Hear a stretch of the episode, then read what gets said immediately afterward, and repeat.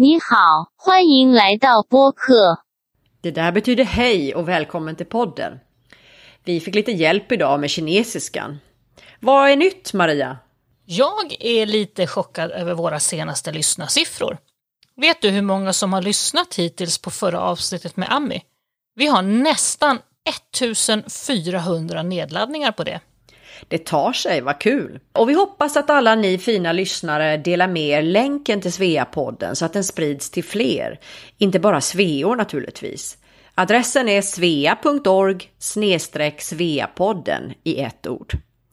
I dagens avsnitt eh, så får vi ju en hel redogörelse för hur det är att bo som svensk i Kina. Superspännande och lärorikt. Det är verkligen intressant att lyssna på Anna Centerman som har bott 10 år i detta enorma land med nästan 1,4 miljarder invånare. Och det är så mycket som är så annorlunda. Ja, vi eh, blir av med några fördomar dock. Eh, Till exempel får vi ju lära oss att det inte alls är så vanligt med konstig mat i Kina som man har hört. Ja, du vet. Och vi svenskar utmanas ju också verkligen när det gäller vår självbild av att vara de mest effektiva i världen. Kineserna slår oss definitivt på fingrarna här, många gånger om. Och verkligen superintressant att höra hur hela covid-historien drog igång i vintras. Bakom kulisserna kan man säga. Spännande när Anna berättar att barnens skola stängde redan i januari. Medan vi här hemma i Europa inte hade någon som helst aning om covid. Vi får verkligen höra allt om livet i, i både Beijing och Tianjin där Anna bor nu med sin man och tvillingarna. Är du beredd? Ja, nu åker vi till Kina.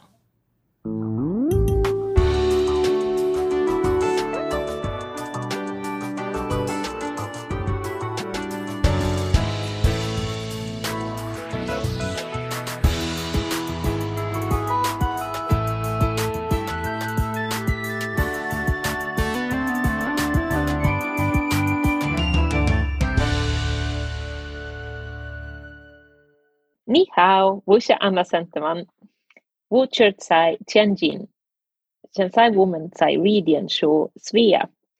Ja, detta betyder Hej, jag heter Anna Centerman och jag bor i Tianjin. Just nu är jag i Sverige och är med i en podd för Svea. Men normalt bor jag i eh, Kina och har gjort det de senaste tio åren där jag bor tillsammans med min familj och har jobbat med Svea och studerat mig. Hej Anna och varmt välkommen till Sveapodden. Du, nu får du berätta hur du eh, hamnade här först i Kina. Och du bor ju nu i en stad som heter Tianjin i Kina, eller hur? Jajamensan, det stämmer. Eh, det var ju för eh, 11 år sedan nu som min man kom hem och sa att eh, vill du flytta till Kina, till Peking då?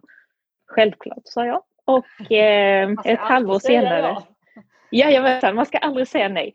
Och var, var, Eh, var befann ni er då? Då hade vi egentligen nästan precis flyttat från Växjö till, eh, till Malmö. Då Johan hade fått jobb i Lund på Son Eriksson och det var med dem som vi då skulle få åka ut. Så att eh, sex månader senare så åkte vi, jag, Johan och våra barn Saga och Sigge som då var 20 månader ungefär. Eh, och vi landade en grå, kall, kal, hemsk dag i Peking och eh, jag åkte själv med barnen och min pappa. Johan hade åkt lite innan. Ehm, och då tänkte både jag och min pappa, herregud, vad har jag gjort? Eh, Varför då? men eh, för att det var så grått, det var så kallt och det var så...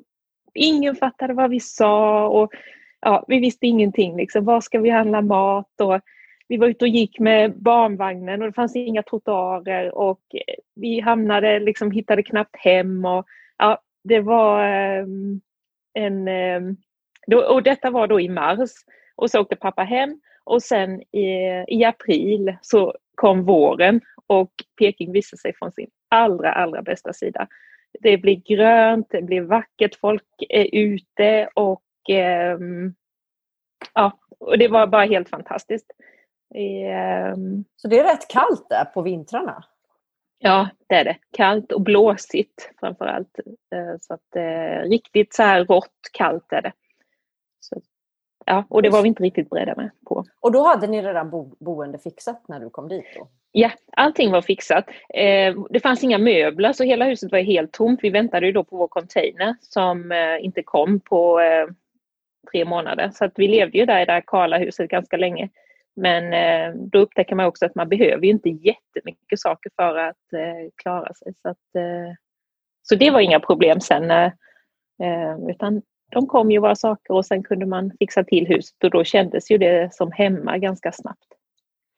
Du, och innan vi går in mer på ditt liv där i Kina så måste vi ju fråga naturligtvis om det här med covid. Och hur, nu vet jag att du har varit på Öland hela sommaren här och våren. När kom ni hem och varför åkte ni hem och hur, hur hände det där?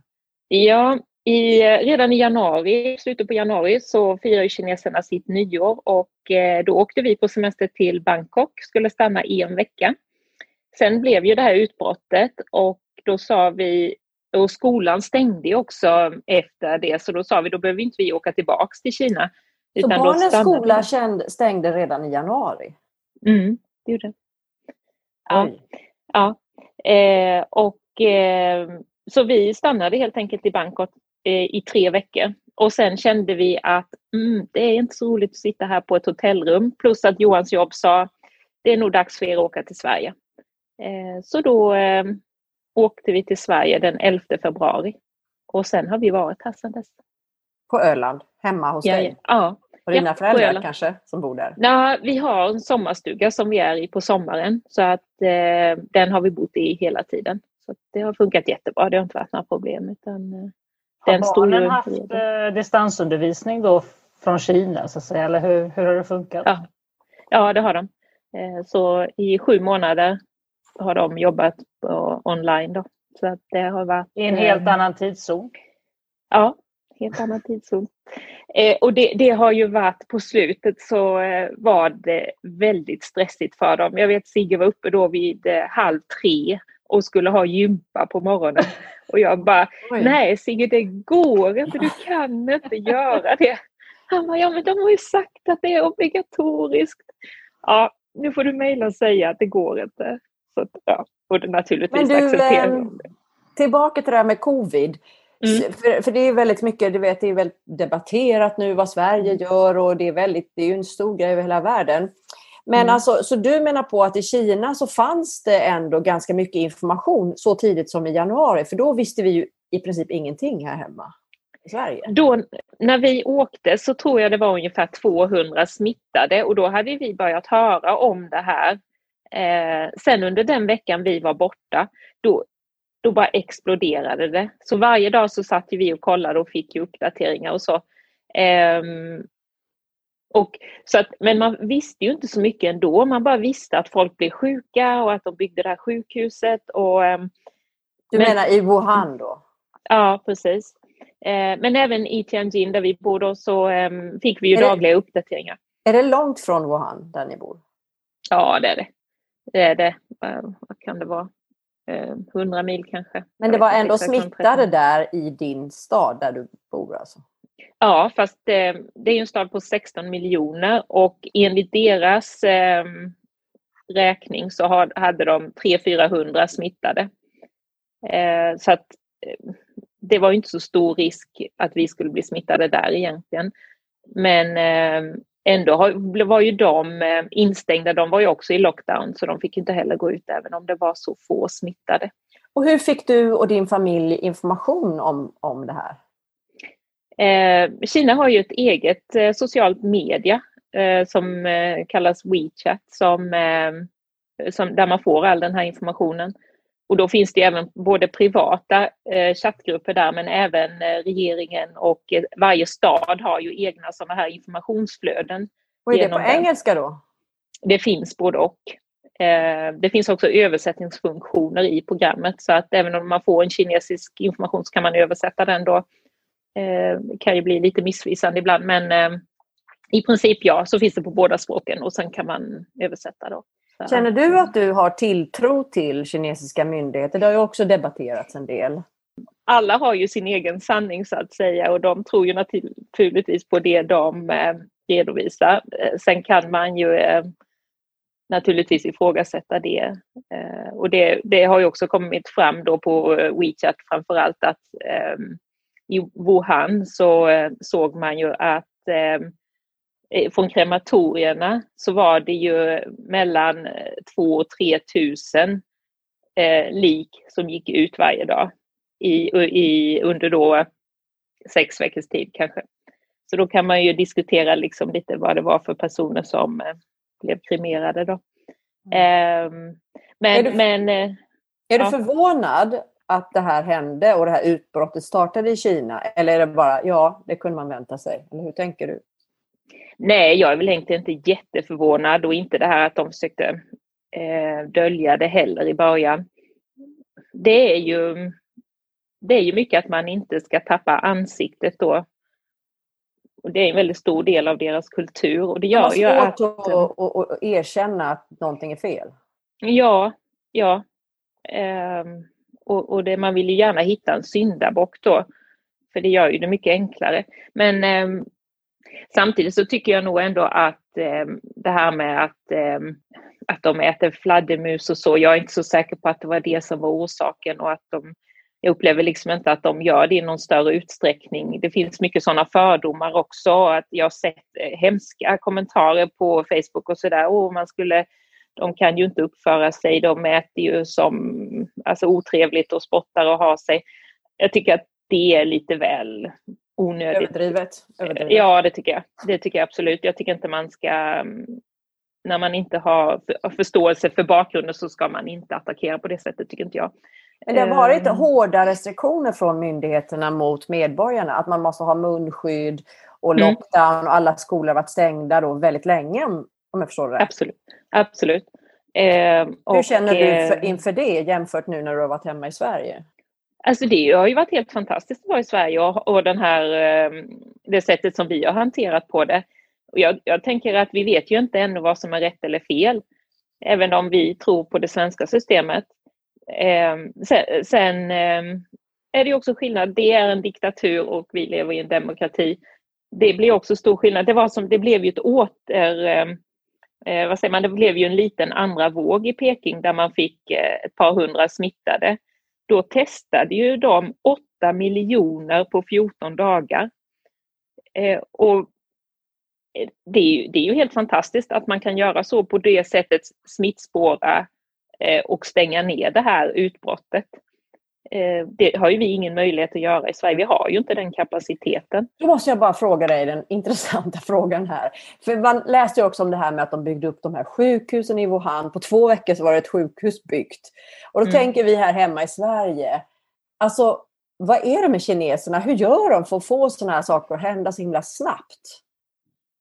De är ju väldigt effektiva. Ju, och sen har de vi tror ju att vi svenskar är effektiva, men då är det här en annan nivå helt enkelt. Ja, herregud ja. Ja, det kan man inte jämföra. Det Jobbar de dygnet runt då alltså? Ja, ja. Och, och där kan man väl säga att deras eh, fack och så, det finns ju inte på samma sätt. Eh, eh utan eh, ja, men nu var de ju tvungna att bygga detta, då gör man det. Det finns liksom ingen som ifrågasätter det eller det är ju ingen som skulle kunna eller ingen som skulle protestera mot att eh, ställa upp så för sitt land. Eh, och eh, de såg ju det som en att man ställde upp för sitt land och jobbade tillsammans. Och, så, så det var ju aldrig någon som ifrågasatte det. Utan då Men den där effektiviteten och det här med att de är så drivna och får saker och ting gjort så snabbt. Har det också med den här diktaturen att göra då? Att det blir order uppifrån och sen bara jobbar de och man måste jobba dygnet runt och det liksom. Ja, till viss del har det nog det. Men sen, eh, det finns ju eh, egentligen två sidor av det. För att eh, dikt, ehm, eh, i en diktatur så då är det ju order och då jobbar man. Men det behöver ju egentligen inte bli effektivitet av det, utan det kan ju lika väl bli att man drar benen efter sig men man är på jobbet för man måste. Men eh, här så lyckas man ändå eh, kombinera det. Att eh, Jag vet ju inte exakt hur de driver igenom detta heller. Men eh, vi har ju sett otaliga exempel där de har byggt saker väldigt, väldigt snabbt. Ehm, men då jobbar de ju dygnet runt såklart. Ja, spännande. Du, tillbaka lite här till familjen och, och barnen och så vidare. Så då kom ni där till, till Beijing och mm. då flyttade du in barnen i någon internationell skola där då, eller? Nej, det gjorde jag inte. Vår tanke var då, de var ju så små, så först var de hemma ett år med mig och eh, sen så tänkte vi, ja men vi ska egentligen bara stanna två år, sen ska vi åka tillbaks till Malmö. Eh, vi hade ju dagisplats och allting till dem. Eh, men så då sa vi, nej men då får de gå på svenska skolan här. Och eh, det fanns ju en svensk skola precis där vi bodde som hade barn då från två till till och med år sex. Så eh, då började de där och på Den skolan ligger mitt inne i Beijing alltså? Vi bor ju i Chunji, heter det, det låg eller ligger vid flygplatsen, så det är egentligen en förort, så det är en timme in till stan. Så att, eh, och det är ett område där det bor eh, nästan bara västerlänningar och eh, de flesta internationella skolor ligger i de områdena. Men de fick pendla då en timme till dagis? Nej, nej, nej, nej. Svenska skolan låg precis i compounden bredvid oss, så vi kunde cykla dit. Så det var inga problem. Och de, är de tvillingar dina barn? Du sa 20 månader? Ja, precis. Ja, de är ah, tvillingar. Ja.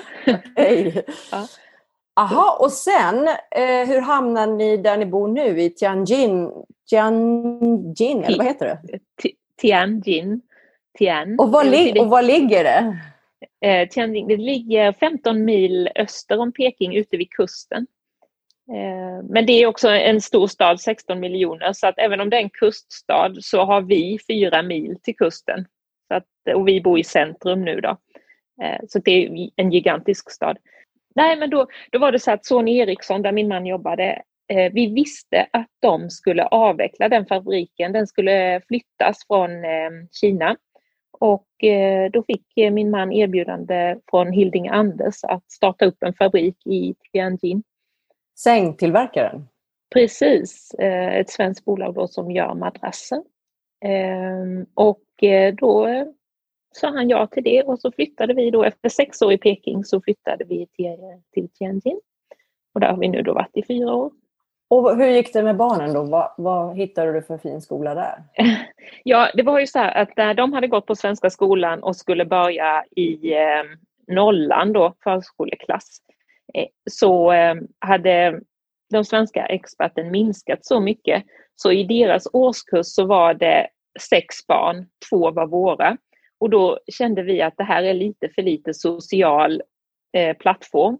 Så då valde vi att flytta dem till eh, internationell skola redan i Peking. Så de började första klass i eh, eh International School of Beijing så sen när vi väl flyttade till eh, Tianjin, då skulle de börja trean, så då började de på International School of Tianjin. Att, vad, eh, vad, är det för läroplan då? Är det amerikanskt eller engelskt eller sån där IB? Eh, eller? IB är det. IB.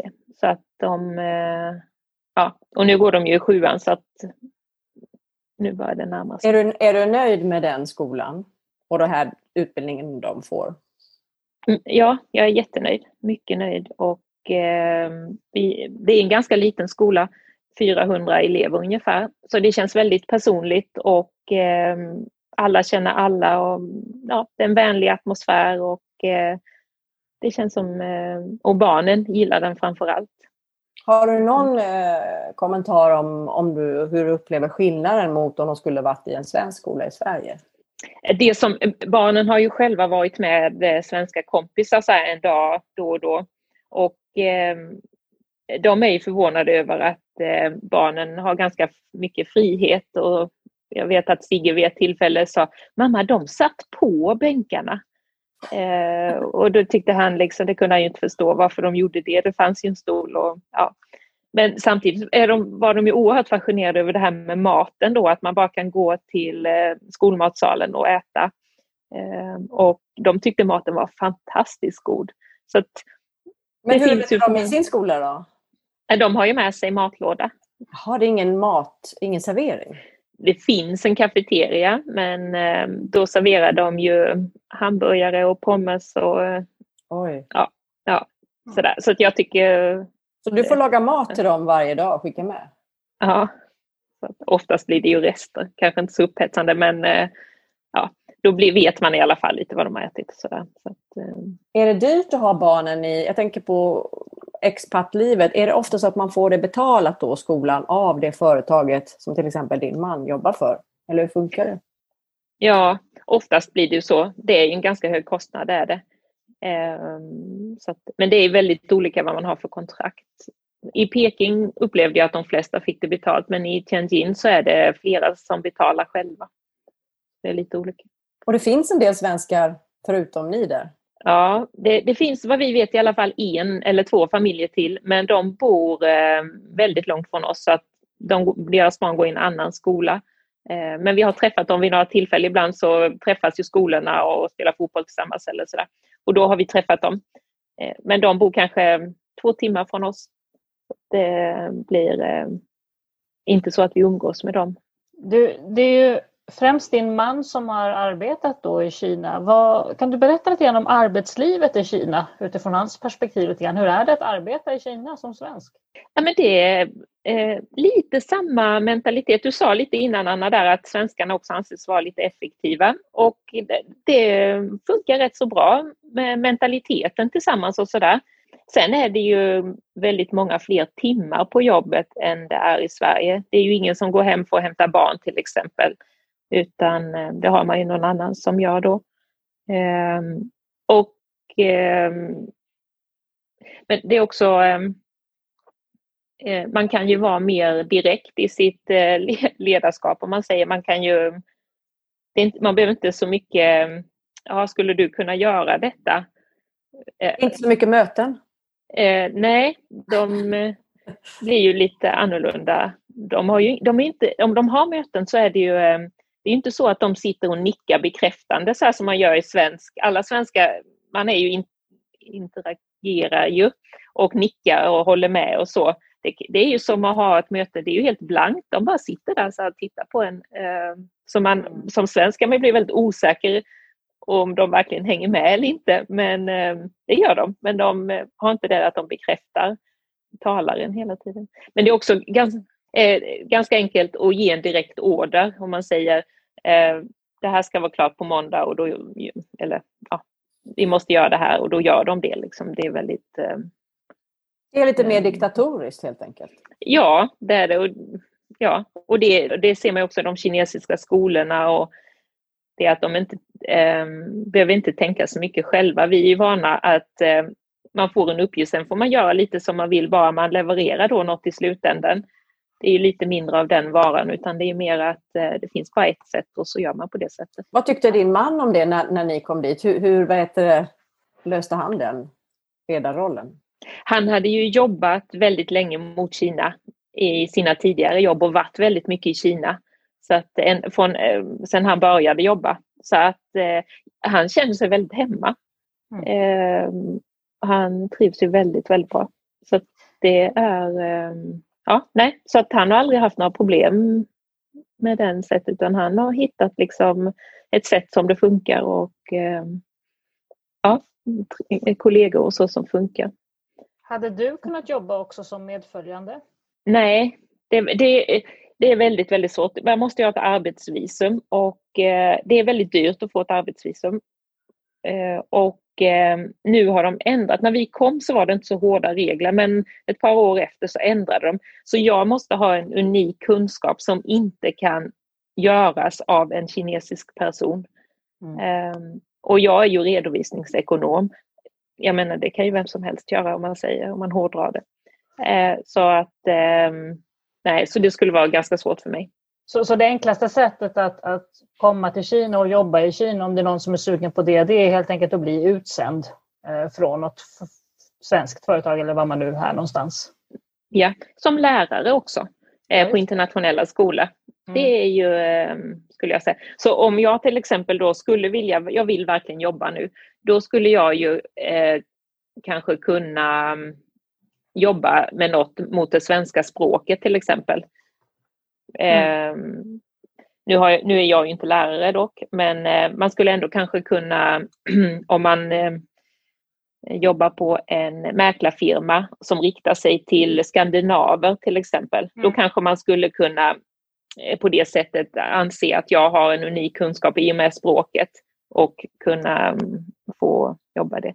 Men eh, det är eh, extremt få som har jobbat. Oftast då så har de redan jobbat, jobbet klart när de har kommit så att det är inte många som har börjat jobba under tiden.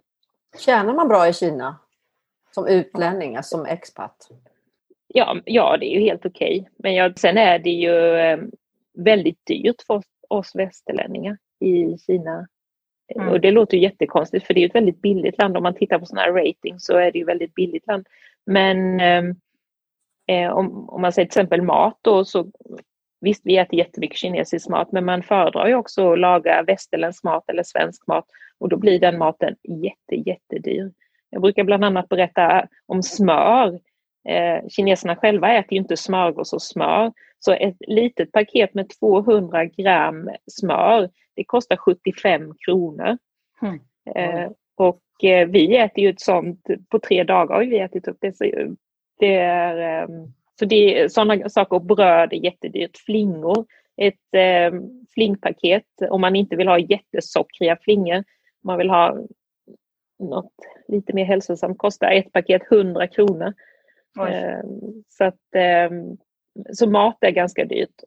Och eh, om man inte vill äta kinesiskt kött så... Eh, Varför vill man, inte vill man inte det? Alltså man bör väl kanske blanda ut det lite. Åker man dit som turist spelar det ingen roll, men om man bor där, det är ganska mycket antibiotika i det. Äter de allt ja. som vi äter här i Sverige? Plus ja. lite till. Ja, precis. Fast det, du, jag förstår att ni tänker på hund och, och sådär, men de, det är inte vanligt det är en del som får känslan, ja men i Kina äter de hund och sådär. Men det, nej, det är inte alls vanligt att man gör det. Men hur funkar det med, du pratade lite grann om, om, om arbetsliv och lön. Hur fungerar det då med, med boende och boendestandard? Hur, hur är det jämfört mot Sverige? För oss expert så, alltså de har ju lite generell princip att eh, man bygger snabbt men kanske inte eh, jättekvalitet. Så att eh, de bygger hellre om. Vi, vi, vi bygger ju bra från grunden och tar hand om det och sen renoverar vi när det behövs. Där bygger man snabbt och eh, mindre kvalitet och sen så eh, när det någonting går sönder eller så, så ehm, då river man ner och bygger nytt. Eh, man tar inte heller så väl hand om sina saker. Det gör att, att kvaliteten är väl lite si och så men ehm, det, det, är ju, det är ju fint. De är ju, det är ju ehm, vräkigt om man säger. Det är stort och det är sådär. Lite kitschig stil liksom? Ja, de mm. älskar guld. Väldigt mycket guldgrejer. Är det dyrare eller billigare med boenden? Hur, hur, hur ser kostnadsnivån ut? Det är dyrare. Det är dyrare. Det är jätte, jätte, jättedyrt med uh, lägenheter. Men sen, sen ehm, det är ju om man ska köpa, men om man kan ju hyra då vissa eh, eh, ska man säga, kommunala bostäder eller så, eh, då kan man ju få jättebillig hyra. Och, och, då kan man, det finns ju de som bor i tre, fyra rum i centrala Peking och betalar 800 i månaden. Mm. Eh, och om man då skulle och då, om man då skulle köpa en lägenhet där så, så kanske den skulle kosta 10 miljoner istället. Så att, men hur hänger det ähm, ihop? Varför är det så dyrt? Man tänker att allting i Kina är billigt, men de har ju billig arbetskraft, de har väl billigt material. Varför är det så dyrt? Då? Ja, precis. Ja, men det är marken som är dyr. Eh, marken. För, eh, generellt så vill inte det kinesiska folket, de vill ha en förankring till jorden, marken, så de vill inte bo i höga hus. Nu gör de ju det för att det, man måste ju, men eh, deras önskan är ju alltid att bo eh, på vad heter det, marknivå. Varför då? Eh, och det har någonting med att eh, deras eh, tro på att eh, man ska stå med fötterna på jorden. Och, är det det här ja. feng shui? Ja, lite sådana grejer. Ja. Hur är det med, med luftkvaliteten då? Man har ju läst om att nu under corona när det var nedstängt i några veckor så blev luftkvaliteten helt plötsligt magiskt mycket bättre. Hur, hur fungerar mm. vardagen med dålig luft? Eh, ja, där är ju människan fantastisk. Man vänjer sig vid det mesta. Men hos, så som det funkar hos oss, inne i vårt hus så har vi ju luftrenare i alla rum som då står och susar och renar vår luft. Så inne i vårt hus så är det bra luft. Sen har vi då mätare som mäter utomhus. Då. Vi, man, ser, man kan kolla överallt i hela världen vad det är för luft. Eh, så då eh, kollar vi varje morgon. Ja, nu är det mask på eller så. Och då får man ha mask när man går ut helt enkelt. Vad är det för sorts mask man har då? Är det samma typ som vi har nu när det är corona eller är det särskilda filter? Ja, det är sån med filter. Det finns lite olika. Eh, men vi brukar ha någon som, från 3M som vi tycker är bra. Mm. Är, man måste ta en som man passar ens ansikte lite för att man har ju dem under väldigt long tid på sig så att det är väldigt jobbigt att ha en som inte passar. Du, man har ju hört om det där med barnen, att det, skolorna har såna här, att de bygger upp sådana här dom liksom. Och skolan är inuti mm. i någon ren luft. Är det så för dina barn? Mm. Eller har de munskydd på sig i skolan? Eh, skolorna har ju ett eh, reningssystem i sin eh, aircon. Så att där har de ju också perfekt luft. Men eh, i Peking då hade de ju en sån dome. Eh, och fördelen med att ha en dome är ju att... Som ett stort eh, tält helt enkelt. Jättestort ja, tält. precis. Ja, och då, så när de gick i Peking kunde de vara ute, om man säger ute i domen varje dag. Men nu är det över 250 i luft så får de inte gå ut på rasterna. Då måste de vara inne. Så, så det här med liksom friluftsliv och gå ut och ta en schysst promenad i parken och så, det är liksom inte någonting som är rutin på samma sätt? Nej, det blir det inte. Men däremot så är man väldigt glad de dagarna det är bra luft. Då är man ute väldigt mycket. Eh, så man njuter på ett annat sätt. Men alltså pratar vi nu om Tianjin och Beijing eller pratar vi om hela, hela Kina kan väl inte vara så här dålig luft? Jo, hela Kina är så här dålig. Även ute på landsbygden? Ja. Alltså nu har de ju, eh, Peking eh, och Tianjin, där har ju luften gått ner och blivit bättre för de har ju flyttat ut fabrikerna på landsbygden.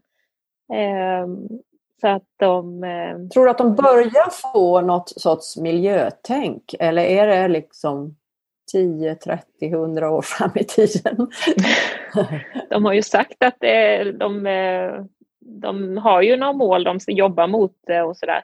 Men alltså, det är ju ett jättestort problem för det är ju om de stänger ner fabrikerna så får ju folk inga, inga jobb och vem ska, hur ska de då försörja sig? Så det är ju ett eh, moment 22. Liksom de kan ju inte bara förbjuda saker. Ehm, så jag förstår problematiken. Sen önskar jag att de gjorde andra saker som ehm, vi tycker eh, de kunde göra. Till exempel katalysator på alla bilar och eh, ja, att man... Ehm, Släpper bilarna ut mer farliga avgaser i ja. Kina än vad man gör här hemma? Alltså det kan jag faktiskt inte, om det är bilparken i Sverige är ju eh, ganska ny och fin. Så mm. att, eh, det, men sen i Kina, den, där är det ju större skillnad mellan de rika och de fattiga. Alltså det finns ju en enorm mängd helt eh, abnorma, dyra bilar. Eh, sådana kan inte jag riktigt, men min man säger att eh, de är eh, sådana specialbilar som vi inte, det finns inte i Sverige, det finns inga som kan betala för dem där. Ehm, men det kör de omkring då i, och de klart släpper inte ut lika mycket men det finns ju också väldigt många dåliga bilar mm. som eh, släpper ut mycket. Jag tänker också eh, upp, uppvärmning är ju också en sån här klassisk sak att mm. om man inte har så gott om pengar så väljer man automatiskt den, den sämre uppvärmningen miljömässigt. Ja. Mm. Och det, bara ett sådant exempel som de förbjöd ju kol då Eh, och eh, sen är det ju ett centralt system så den 15 november varje år då startar man värmen för alla. Eh, och den 15 mars eller vad det är, stänger man av det. Ehm, och sen så var det så här, ett år var det ju så varmt eller så kallt när de hade stängt av värmen så barnen kunde ju inte vara inne i skolan, nu pratar vi om kinesiska skolan, för det var för kallt i lokalen. Så de var ju tvungna att elda med kol för att barnen skulle kunna vara i skolan. Eh, och då, det är ju så himla svårt då liksom när man... Eh, det finns ju liksom inget, gör så här så blir det bra, utan man måste ju vara ganska flexibel och det är ganska svårt att vara flexibel i ett samhälle där man är flera miljarder människor.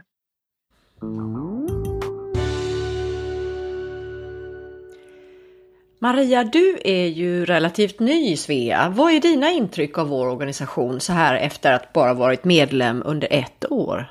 Ja, jag flyttade ju hit till Italien förra sommaren, alltså 2019. och hade faktiskt redan innan hittat Svea Rom i sociala medier. De finns ju som nästan alla våra 70 avdelningar på Facebook. Och som nykomling var det så härligt att jag fick ett så varmt välkomnande och sammanhang. En massa nya väninnor på en gång. Mitt första event jag gick på var nog glöggminglet i december. Och sen dess är det som att jag känt alla dessa kvinnor hela livet. Man blir liksom vänner direkt. Ja, just det. Ja, men det där känner jag igen mig i. Och att man känner sig så välkommen och att man direkt får positiva kontakter med svensktalande kvinnor i alla olika åldrar. Det är ju helt fantastiskt. Ja, och det internationella nätverket sen då? Vilken stad jag än vill åka till i världen så vet jag nu att jag kan höra av mig till den lokala Svea-avdelningen och få hjälp på plats. Det känns som att jag har vänner över hela världen, fast jag inte har träffat dem än. Ja, visst är det otroligt att Svea har lokala avdelningar i över 30 länder. Och Maria, visste du att Svea har tre fina ledord? Ja, vilka är de nu igen? Jo, det är så här. Världsvid vänskap, lokalt stöd och global kompetens. Och de hittar man till exempel i vår fina logga. Ja, men det är ju precis det vi pratat om nu. Just så är det. Det som också är så härligt med Svea, tycker jag i alla fall, är att eh, i stort sett allt arbete som utförs inom organisationen är på frivillig basis. Vi har två anställda på vårt huvudkontor i Florida som sköter administration. Men för övrigt så sker allt arbete, inklusive den här podden, helt frivilligt. Maria, vad ger det dig till exempel att engagera dig i, i Svea volontärt? Alltså det är ju helt enkelt jätteroligt. Alla de här härliga kontakterna man får med alla dessa kvinnor lokalt och över hela världen får extra dimensioner när man engagerar sig lite mer. Och sen känns det väldigt bra att bidra till gemenskapen med medmänniskorna. Ja, och sen tycker jag också att det är härligt att som svensk vara med i ett sammanhang för Sverige och svensk kultur, oavsett om det är här hemma eller ute i världen. Vår organisation, det vill säga att vi faktiskt finns på så många ställen i världen, är också helt unikt. Och för dig som bor eller har bott utomlands, fundera inte för mycket, utan bli medlem i Svea redan idag.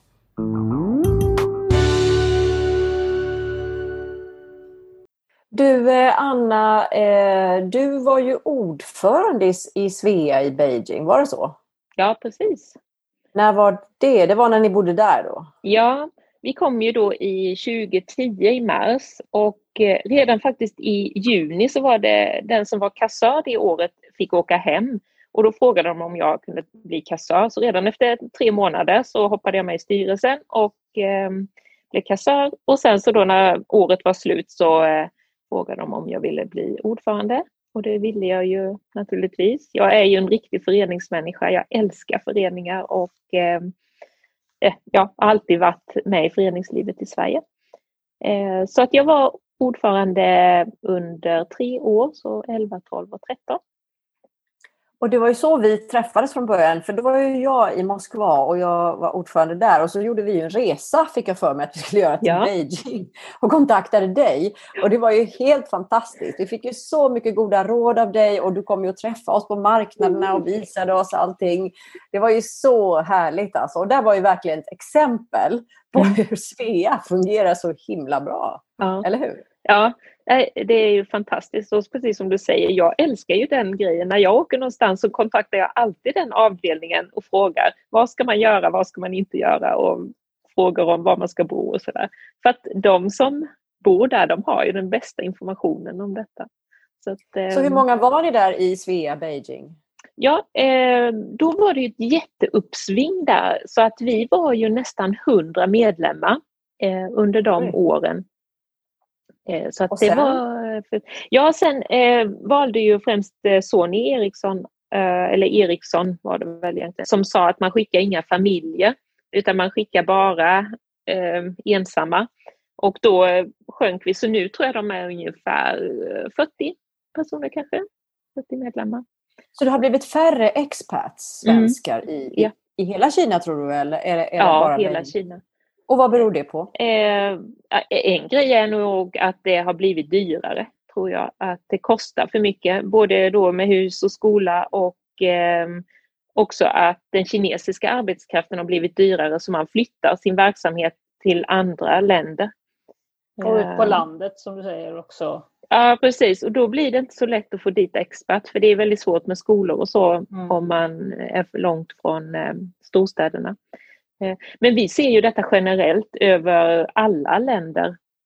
Eh, så att det är inte bara Sverige som har eh, minskat sin... Så alla, hela expat-communityn har minskat Ja. i Kina. mm.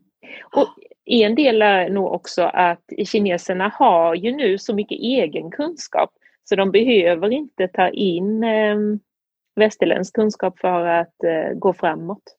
Utan, Och sen du Anna, sen blev ju du regionordförande. Kan du inte berätta för dem som inte vet vad det är? Vad, vad innebär Eh, det? regionordförande, då är man ju ansvarig för en region och i Sverige finns det ju sju regioner.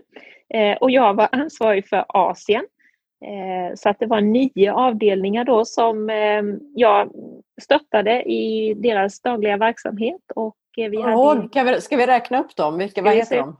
Eh, då brukar jag börja jag från... facit här. Ja precis, jag börjar, bara- brukar börja norrifrån så jag inte missar någon. Men då har vi Seoul, eh, Tokyo eller Japan heter ju den avdelningen. Sen har vi Beijing, Hongkong. Sen har vi Bangkok, Kuala Lumpur, Singapore, Perth, Melbourne och eh, sen har vi ju faktiskt fått till Sydney nu då. Mitt sista år här då så fick vi ju Sydney och det är ju en stor dröm. För vi har verkligen jobbat i princip hela tiden. Jag har jobbat som RO att få till det här då. Så fick vi äntligen igång en avdelning i Sydney. Det Så nu är de tio, tio då, eller hur? Ja, Och den avdelningen ska vi väl kanske förtydliga här. Den heter ju Sveasac, eh, Sydney, Adelaide, Canberra. För det var ju tre städer Precis. som gick ihop där till en avdelning. ja. Men vad, vad var din roll då som regionordförande? Vad, vad gjorde du då? Ja, det är ju egentligen att hjälpa avdelningarna i min region att eh, driva dem framåt. Men sen är man också länken till den internationella styrelsen.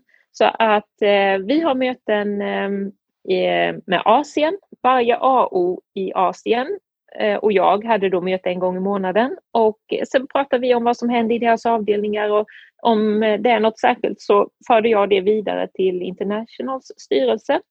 Och eh, likadant AO tvärtom. betyder alltså avdelningsordförande. Precis. Ja, Tydliga. ja, jag vet, det är många förkortningar. Svealingo. Ja, det kan man lugnt säga. Eh, och sen så eh, likadant så hade jag ju möte då med de andra regionordförandena i eh, världen och eh, med internationella ordförande. Och så pratade vi om vad som hände på, um, i Svea eller resten av världen och så förde jag det tillbaks till Asien. Det handlade ju mycket egentligen om att stötta avdelningarna i den, den dagliga verksamheten. Till exempel om det blev något eh, strul med eh, en del hade kanske ville donera saker eller eh, så och då kunde jag hjälpa dem att ja men tänk så här, har ni någonting inom den här branschen eller finns det något svenskt företag ni kan jobba tillsammans med? Och, men också till exempel, ja men nu är det en, ehm, någon som inte mår bra här. Eh, hur, hur kan vi stötta den personen och sådär. Då kunde man tänka, ja men har ni tänkt på att göra så här eller finns Svenska kyrkan som kan hjälpa till eller man försökte liksom eh, men du, hur klarar du dig nu då när du inte har Svea där i Tianjin? Ja, precis. Vi får väl se nu, för nu är det ju så att jag var ju RO även när jag bodde där och eh, slutade min eh, tjänst i maj i år, så jag har inte riktigt hunnit känna efter än. Vi får väl se när saknaden sätter in. Eh, kanske finns något du kan göra? Du kanske kan öppna en ny Svea-avdelning?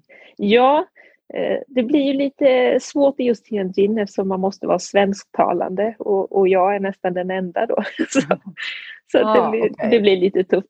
Men ehm, det finns ju mycket annat man kan göra som Svea också. Och vi kanske ska förtydliga här att eh, själva regionen då, Svea-regionen Asien, har ju nu bytt namn. Mm. Eller hur? Precis. Den heter ju, ska du berätta det? Den heter eh, Asien och Oceanien. För att eh, Australien kände att de är inte riktigt Asien och nu har vi tre avdelningar i Australien. Så då ville de föra in sitt, sin region kan man väl säga. Så då, eh, Så nu kallar vi det för ASOK, ASOC. Precis. Och det var ju så här att alla andra regioner i världen har ju en förkortning. Det var ju bara Asien som inte hade en förkortning. Så nu är vi lika som alla andra, så det kändes bra. Men Kina då? Vad tycker du är bäst med Kina? Jag älskar ju Kina. Alltså, det är så oförutsägbart. Det är, nu har jag ju bott där i tio år och eh, nu i Tianjin i fyra år och jag brukar gå en morgonpromenad. Så fort vädret tillåter så går jag en morgonpromenad och det är många dagar det går så det är ju inte alltid dålig luft. Eh, och varje gång jag går på den här promenaden, som, då händer någonting nytt. Något som jag aldrig i min vildaste fantasi skulle kunna tro skulle hända, kunna hända. Till exempel?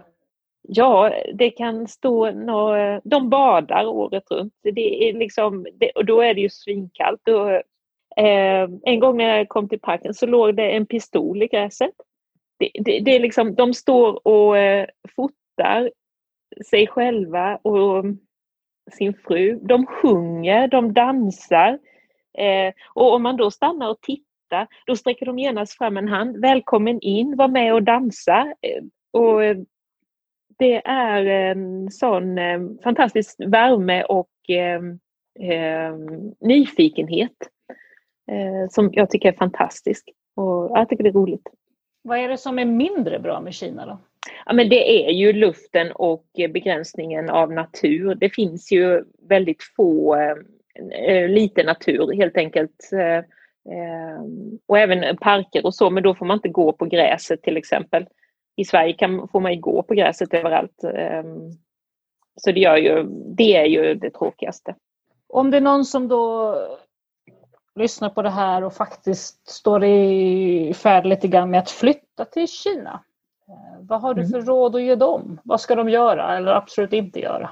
Jag tycker absolut de ska åka. Eh, och, ehm, men eh, egentligen behöver man inte... Det, det som man behöver förbereda sig med är den tekniska biten, att man laddar ner eh, VPN till exempel. Mm. För det är så stor del av eh, vardagen, det här med VPN och internet och så. För där har de ju fortfarande... Berätta vad det, berätta vad det mm. är för de som inte I Kina vet. så finns det ju eh, begränsningar i vad du får använda för internetsidor. Eh, och jag har hört att det är 50 000 personer i Peking som jobbar med att spåra vilka sidor folk använder. Och för att då komma runt det eh, så använder man något som heter VPN och VPN säger ju att din dator befinner sig någon annanstans än i Kina. Så om du, för det du inte kan använda är ju då Facebook till exempel. Du kan inte använda Google. Om du inte har VPN, men har du VPN så ja. går det? Ja. VPN är även någonting vi andra experts använder när vi vill komma åt SVT Play och lite andra sådana saker. Precis. Så, så det kan man ju säga, det har ju verkligen blivit en, eh, alla har ju VPN idag ja. Eh, som bor utomlands. Så det är ju inget konstigt. Nej, och det finns ju bra VPN som om man betalar en slant så är det, funkar de ju jättebra. Händer det ja. någonsin att Kina spärrar de VPN-tunnlarna någon gång? Är det någon som ni använt och så plötsligt funkar den inte längre och sådär? Går de in och blockar VPN-tunnlarna? Yes, hela tiden. De, eh, man får byta med, man kan räkna med att man får byta med jämna mellanrum. Det är eh, inget konstigt. Alltså det beror på lite. Eh, de stora är ju, använder man en stor VPN-tunnel så har de en tendens till att känna till den så att säga. De mindre ger de sig inte på lika lätt. Mm. Men i alla fall en gång om året. Mm. Och sen är det också så att när det är eh, stora möten i eh, Peking med regeringen, då stänger de ju ner dem, då får de ju inte fungera. Eh, likadant att de då begränsar hastigheten på internet så att eh, det går jättelångsamt. Men det är inte olagligt att använda en VPN-tunnel? Jo, eh, det, det, det, det, är en liten luddig lag det kom ju ut så här att det var, det var ju bara nu för två år sedan kom det ut att VPN är olagligt. Men då alla västerländska företag behöver ju sin VPN.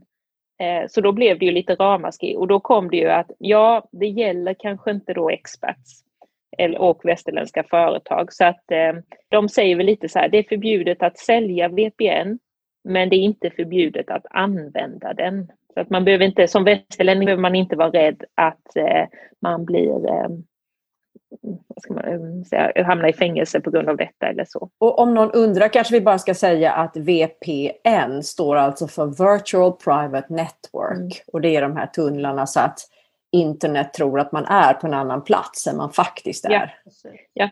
Eh, och, och anledningen till att säga att man ska fixa det när man är i Sverige är att eh, i den här WeChat-gruppen som finns för alla eh, Eh, så vill man inte att det diskuteras om VPN för man vill inte eh, den som startade gruppen är administratör i WeChat-gruppen, är ansvarig för allt som skrivs i gruppen.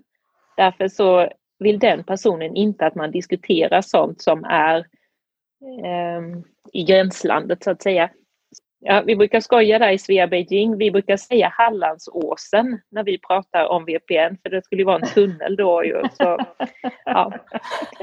så att, och vi tror inte kineserna har kommit på det ännu. Så att, eh, ja. du, känner man av det när man är i Kina som expat?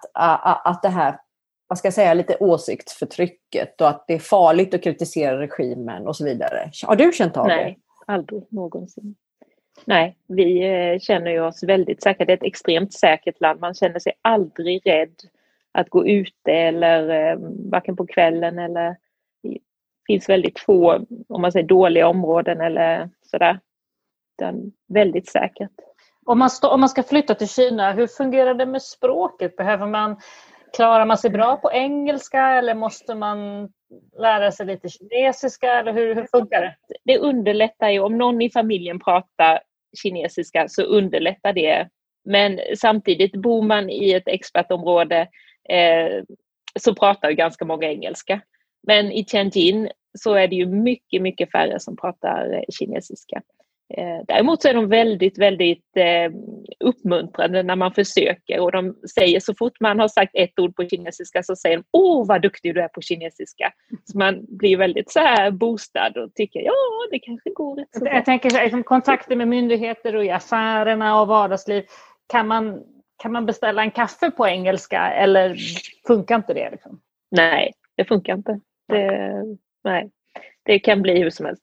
Eh, nej, det är jättesvårt och till och med på Starbucks eh, om du inte är i ett expertområde så kan du inte säga en kaffe latte för de fattar inte vad det är. Vilket kan bli ja, många roliga incidenter. Så det är nästan ett råd från dig då att man ska plugga lite kinesiska, kanske till och med innan man kommer till Kina? Eh, nej, jag tycker du ska börja när du kommer dit. Du, alltså om du inte lever i det, om du inte får öva språket så är, tar det väldigt lång tid. När du är, är det svårt? Ja, det är jättesvårt. Det är varje... Hur många tecken? De har tusentals tecken. Ja, 38, mellan 38 och 45 000 tecken tror jag. Men nu kan jag inte läsa, så jag kan inte läsa och skriva. Om du skulle backa bandet då till när du kom till Kina då, finns det någonting du hade gjort annorlunda idag om du hade vetat det du vet nu? Nej, Nej, jag tycker att eh, nej, jag tycker att det varit en eh, fantastisk resa. Jag tycker vi, vi har alla trivts hela tiden och som sagt Svea har ju gett mig ett oerhört stort nätverk i Peking naturligtvis men också i hela världen. Så jag tycker att eh, Ja, det är det då. Kontakta Svea direkt tycker jag att alla ska göra. Du, eh, det här med Sverige och sådär. Jag tänkte också på dina barn nu när ni varit hemma så länge. Vill de åka tillbaka till Kina eller vill de, skulle de helst vilja stanna i Sverige? Nej, de vill åka tillbaka. Varför då? Eh, nej, men det, det, är ju hemma för dem ju. De minns ingenting ifrån Sverige. Eh, och man säger, de har ju bara varit i Sverige på somrarna. Alla är lediga, det är jättefint väder. Men det här att det blir mörkt klockan tre, det, det, nej, det var inte deras grej alls. Så att de, och de längtar efter sina kompisar och ja, sina saker. Och, nej, de längtar hem. Och längtar du också hem till Kina? Ja, det gör jag. Det gör jag. Vad är det du längtar efter? Eh, nej men alltså den här vardagen som vi har, har där är ju, är ju väldigt bra. Och, och sen är det, eh, jag längtar till, till Kina för att barnen ska få gå i sin skola för jag ser hur bra de mår när de är där. Eh, hur mycket de lär sig och vad de växer varje dag så är det liksom ehm, eh, saker som utvecklar dem. vilket får mig att må väldigt bra. Så att, eh, det är mycket den biten. Du, när du ser på Sverige nu efter, du har ändå varit ute nu ganska länge och bott i ett speciellt land, Kina, väldigt länge. Ser du på ett annat sätt på Sverige än vad du gjorde när du drog iväg? Eh, ja, det gör man ju, men... Och när du träffar gamla vänner, kanske när du kommer hem, tänker du så här, åh, aha. Ja, ja men... Eller vad tänker ja, du? precis. Liksom? Alltså, det, och, nu säger jag inte detta som något negativt eller så, men ehm, man, man, eh, det som är svårt ibland när man träffar gamla vänner då, det är ju att det har ju hänt så mycket och då ställer de frågan, jaha, hur är det i Kina? Och jag kan ju inte sammanfatta, det går ju inte att sammanfatta tio månader då som vi har varit där mellan, om man säger mellan somrarna då, med den frågan. Men eh, om jag ser annorlunda på Sverige? Nej, egentligen inte. Däremot så känner jag att det har ju hänt väldigt, väldigt mycket sedan vi lämnade. Eh, och saker som vi inte eh, har riktigt hängt med på. Den här eh, ekologiska biten eh, har ju vi missat. När vi åkte så var det inte så mycket ekologiskt. Eh, nu upplever jag att alla köper ekologiskt och äter ekologiskt och det pratas väldigt mycket om ekologiskt hit och dit. Och det är jättebra. Inga plastkassar. Nej, ja, men precis sådana saker. Det, det, känner jag ju att vi har missat. Men känner du att du har ändrat dig under de här åren? Det gör vi ju allihopa, men jag menar, har du, tror du att du har ändrat dig på grund av att du bor i Kina och i så fall till vad är det du har lärt dig där? Nej, men jag tror att jag har blivit mer öppen för eh, förändring. Att eh, det är inte så farligt om det inte blir exakt som man, eh, man, man hade bestämt att det skulle bli. Vi brukar kalla det för Kina-upplevelse, för det är rätt ofta att man tänker sig att man ska åka någonstans till ett museum till exempel och så kommer man dit och så eh, blev det inte riktigt som man hade tänkt sig. Och då kallar vi det för en Kina-upplevelse. Det är att det blir inte riktigt som man har tänkt sig men det blir bra ändå. Och det, Vadå för typ att det kanske var stängt när det stod att det skulle Ja, vara öppet? Eller Precis, så? det var stängt eller så var det allting var på kinesiska så vi förstod ingenting eller så fick vi inte gå in för vi inte hade vårt pass med oss eller så just på den dagen fick inte västerlänningar gå in och eller så var det så högljutt där inne, de hade så hög musik så att vi var tvungna att gå ut. Och, ja, det finns så många aspekter som eh, kan gå fel. Eh, om man skulle åka till Kina, nu kanske det är lite svårt precis just nu, men längre fram, de, de utvecklar väl i sitt land också. Kan man åka och ligga på någon sandstrand i Kina också, eller hur? Mm. Är det bara Beijing och städerna man ska besöka? Nej, jag tycker det finns jättemånga ställen man ska besöka. Eh, men om man vill sola kan man åka till södra Kina. Det finns en ö som heter Sanya som är jättepopulär. Som är eh, som eh, ja, Mallorca, eller vad man ska jämföra det med. Svenskarnas Mallorca. Det är kinesernas Mallorca. Jättetrevligt ställe så att eh, om man vill sola. Men sen finns det, alltså om man åker till Kina så tänker jag så här, då kanske man inte ska åka och sola utan det finns så oerhört mycket kultur och eh, historia som man eh, eh, kan ta del av. Och eh, då om man vill åka lite utanför så är bland annat Xi'an och eh, Terrakotta-armén till exempel en fantastisk... Har du varit där? Mm, jag har varit där. Eh, Och det var, var fantastiskt? Ja, det eller? var helt magiskt. Jag, nu är jag väldigt intresserad av historia. Men eh, jätte... Ja, man kan inte förstå för man har sett, återigen, det man kan inte förstå liksom eh, att det finns så många som står där på rad bara, och hur galen han måste vara som byggde upp den här armén då. Eh, så det finns, men sen om man säger kinesiska muren är ju också en fantastisk eh, upplevelse. Ja, du har ju varit där så att du Exakt. Ehm, och sen, sen är det lite vad man är, eh, men min pappa är ju helt fascinerad av eh, förbjudna eh, staden och Himmelska fridens torg. Han tycker det är jättehäftigt liksom att, eh, att ha varit där. Och sen ofta när man ser bilder från Peking så ser man ju just dessa två. Och då tycker han det är liksom, ja, där har vi varit. Tror du att Kina kommer att ta över världen? Ja, Sista frågan. ja det tror jag. Det, Är du helt säker? Ah, inte helt säker men eh, ja, ja, ja, ja, jag tror det. Varför? De verkar inte ha någon begränsning i eh, pengar. Det verkar inte finnas någon... eh, Det verkar inte sina i deras kassa. Var de sen kommer ifrån, det vet jag inte. Mm. Så, Ja, De jobbar hårt. Ja, men de, de jobbar hårt men också att eh, de köper ju sig fram överallt. Läste jag bara en artikel häromdagen att de hade köpt upp massa företag på västkusten. Eh, här i Sverige. Här Sverige. I Sverige. Mm. Eh, så det tror jag att de kommer göra. Du tror de vill dominera världen? Ja, det tror jag. Herregud, ja. Eh, det tror jag. De, eh, att de vill.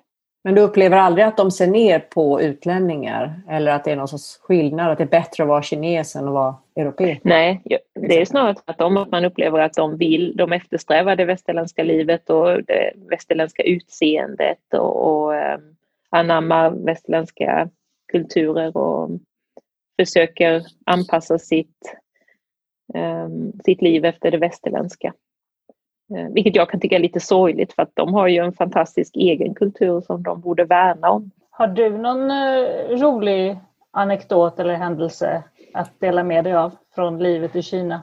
Ja, jag har några stycken. Eh, det är många små incidenter som gör att man tänker så där hade man inte gjort i Sverige. Men eh, bland annat när barnen var små eh, och har tvillingar i Kina, det är det ultimata eftersom de bara fick ha ett barn Mm. så under en lång tid. Nu har ju det ändrats, nu får man ju ha fler barn. Eh, men då, då hade jag en pojke och en flicka och det är det ultimata. Så då, då säger man, om man översätter det kinesiska ordet för tvilling, då betyder det en tvilling av en av varje kön, så betyder det Eh, det bästa av två världar. Eh, så de var ju helt fascinerade över våra barn när de var små och de var ju blonda, tjocka, ja, ni vet hur svenska barn ser ut. Eh, så de var ju på dem hela tiden. Och just det här, det var någon gång vi var ute och jag tar upp ett barn och ska sätta det i en gunga. Och sen vänder jag mig om, då är det någon annan som har tagit upp mitt andra barn ur vagnen och gått iväg och matar det med sin mat. Då kände man ju som svensk bara! Eh, nej, det här kändes inte okej. Att, eh, eh, mycket sånt, för de är, är, är ju mycket närmare. De tar ju på barnen hela, hela tiden.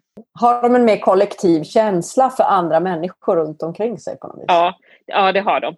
Eh, De lever ju mycket närmare. Eftersom de är så många så blir det ju trångt. Så att, eh, men eh, samtidigt så är det ju egentligen bara den innersta familjen som räknas. Om det verkligen gäller så struntar de ju i allt annat utom sin familj. Så att, eh, men de är ju väldigt fascinerade då över vår, eh, vårt hår och vår vita hy. Och, Så, så tvilling, tvillingbebisar var magiskt. ja, precis. Så att, eh, då var de, åh, det sa de att, åh, du, du är så bra. Sa de alltid. Jag bara, ja, men jag är också väldigt, väldigt trött, sa jag. Säga. ja. Nej, men det, det finns som sagt många grejer. En annan rolig grej som ehm, när eh, de gick på svenska skolan, då var det ju många kinesiska barn som gick där som hade en svensk förälder och en eh, kinesisk förälder. Och ehm, de kinesiska mammorna kom ju då uppklädda i paljettklänning och 10 centimeter klackar till hämtning. Och då så, eh, Saga, min dotter var helt fascinerad över det, så hon sa ju till mig, men mamma varför kan inte du klä upp dig när du kommer till dagis? Man bara, ja, kanske en annan dag, inte idag men en annan dag. Ja. Så att eh, det är ett annorlunda samhälle men eh, också väldigt, väldigt härligt. Tror du att du någon gång kommer att eh, lämna Kina och flytta hem eller hur länge blir ni kvar? Vad har du för tankar om det? Barnen vill ju stanna tills de går ut och i så fall är det sex år till. Men vi, jag tror ju att vi kommer ju att komma hem till Sverige någon gång. Men när det blir, det vågar jag inte riktigt säga. Det bor, vi kan ju, Men du, hur går det med deras eh, svenska nu då? ja, då läser vi ju Sofia Distans nu. Och det funkar bra? Ja, ja det tycker jag. Det är ju, de kämpar på. Alltså det är ju ganska svårt. De har ju mycket i sin skola och sen ska vi läsa detta vid sidan om. Eh, och deras, de är hyfsat bra på svenska men det är ju det här med stavning och så så det är ju lite kämpigt men eh, vi jobbar på så gott det går. De, de här sju månaderna har ju gjort att de har fått ett bättre, en bättre eh, svenska. Du märker skillnad? Ja, absolut. Ett bättre vardagsflyt kanske också lite mer modernt språk. Precis, exakt. Det har uppdaterats. Det- Och de har ju haft eh, mycket kontakt med andra barn här. Det har ju också varit eh, bra för dem. Men du Anna, vi får tacka dig tror jag med det. Och eh, det var ju jättespännande. Vi skulle kunna hålla på här i tre timmar tror jag och bara prata om Kina. Det är så spännande, fascinerande land och det händer ju så Mm. mycket. Och, eller hur Ja, verkligen. Maria? Tack så jättemycket. Det har varit jätteintressant att, att höra om, om vardagen i Kina. Ja, det var kul. Jag är väldigt glad att jag fick eh, hälsa på i er podd. Tack för att du har lyssnat. Den här podden är inspelad och producerad för Svea International av Anna Brill och Maria Schacki. Musiken är skriven för Svea av Fredrik Åkerblom. Svea-podden finns nu på de allra flesta ställen där du hittar poddar. Eh, Apple Podcasts, Google Podcasts, Spotify, Acast och alla de här. Om du saknar något ställe, skicka ett mejl till oss på sveapodden gmail.com. Mer information om Svea hittar du på vår webbplats svea.org och i sociala medier där vi finns på Facebook, Instagram och LinkedIn och där hittar du oss som Svea International.